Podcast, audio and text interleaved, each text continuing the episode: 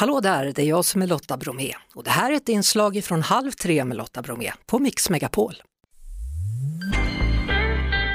Nu ska vi snacka paddel hörni. Jonny Wijk är professor i historia vid Stockholms universitet. Välkommen hit! Tack så mycket. Paddel, varför har det blivit så stort i Sverige?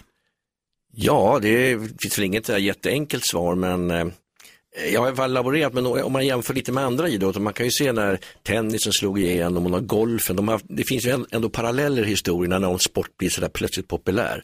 Och i deras fall, tennis och golf, så var det ganska tydligt då att gamla, ganska ouppnåeliga överklassporter plötsligt sjönk ner till den breda medelklassen. Och det finns väl någon, tycker jag i alla fall, ganska tydlig, åtminstone när paddeln kom till Sverige för fem år sedan, att det här var en, eh, jag har lite prov provokativt sagt, det här kanske är en liten lekstuga för unga vuxna i medelklassen. För det var så mm. dyrt att spela, lite exklusivt, man byggde banor vid golf och tennisanläggningar, det var liksom lite, det var lite exklusivt, för att det började så i alla fall. Mm. Sen tog det fart på andra sätt. Ja. ja, för nu finns det till och med en paddelhall i Skövde där jag kommer okay, ifrån som ja, ligger mitt bland alla köpcentrum. Men en grej måste jag fråga dig. Ja. Hur mycket hänger det här ihop med att Henke Larsson, Zlatan och Jonas Björkman började öppna hallar överallt och mm. sa nu ska vi spela padel? Ja. Jo men det ingår väl i det här att det, att det var någon slags inne, innegrej, någon kändissak och Jonas Björkman var kanske den allra först i, och det var ganska anspråkslöst, den finns väl kvar, en lokal nere i Frihamnen här i Stockholm på Gärdet. Bara en, och det där är lite, alltså sporten tog ett steg till sen när man började bygga, som du säger då, i, eller ja, nu sa du inte för du sa att det var mitt i Skövde, men man kan inte bygga upp hallar också på åkrarna utanför. Och då, då stämmer inte riktigt den exklusiviteten längre och det är det jag har funderat på om det kanske gör också att det avtar så att säga, när, när det börjar bli så här, ja, någonting man inte spelar som känns lite speciellt, eller lite extra. Ja, och nu händer det då att vi börjar läsa om paddelhallar som mm. går i konkurs. Är vågen över? Vad händer? Ja, så jag tror inte vågen är över det, men möjligtvis att tillväxttakten, för de har ju byggt nu några tusen banor här de sista två åren, de pratar ju om uppåt en 4 000 banor. Så att det är klart att det, det når ju ett tak där kanske, där utbudet så att säga möter efterfrågan. Så att det är väl det att man har förbyggt sig lite grann. Och det hände faktiskt också, speciellt med golfbanor faktiskt i början på 2000-talet. Och det är ju lite annorlunda att bygga en golfbana, tar några år i allmänhet. Men det var faktiskt en liknande grej att 2005, då var plötsligt golfboomen över, då stod det golfbanor nästan tomma plötsligt. Så att det finns någon sån här, man når liksom ett tak då för intresset. Och sen, men jag tror ändå padel har kommit för att stanna som en väldigt trevlig eh, motionssport för, för, för, för hela familjen. För det vill jag också säga som en annan aspekt. Förutom det att det är kul och det är enkelt att spela, det får man inte glömma bort. Det finns ingen annan racketsport du kan gå in och ha kul efter fem minuter.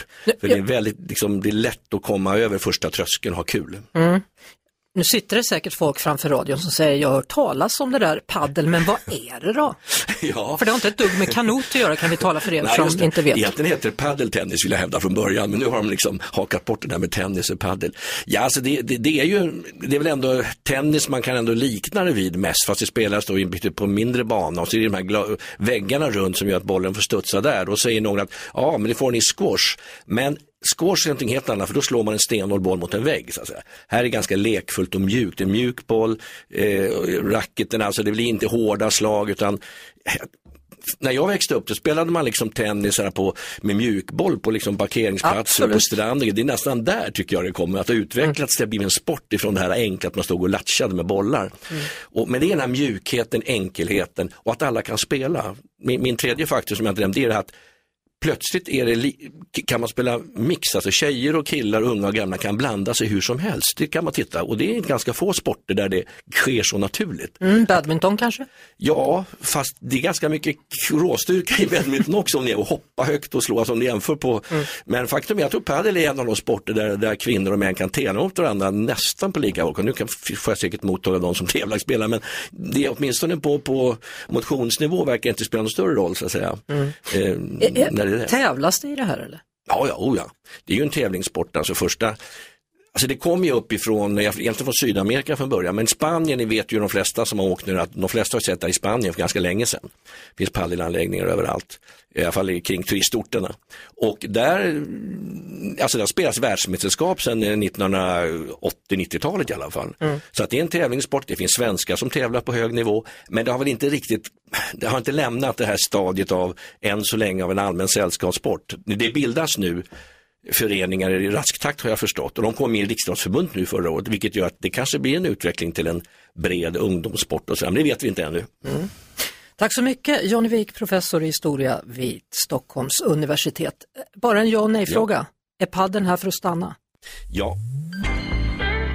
Vi hörs såklart igen på Mix Megapol varje eftermiddag vid halv tre. Poddtips från Podplay. I podden Något Kaiko garanterar östgötarna Brutti och jag, Davva, dig en stor dos skratt.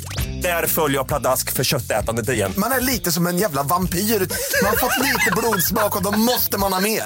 Udda spaningar, fängslande anekdoter och en och annan arg rant. Jag måste ha mitt kaffe på morgonen för annars är jag ingen trevlig människa. Då är du ingen trevlig människa, punkt. Något Kaiko, hör du på Podplay. Därför är gardinerna.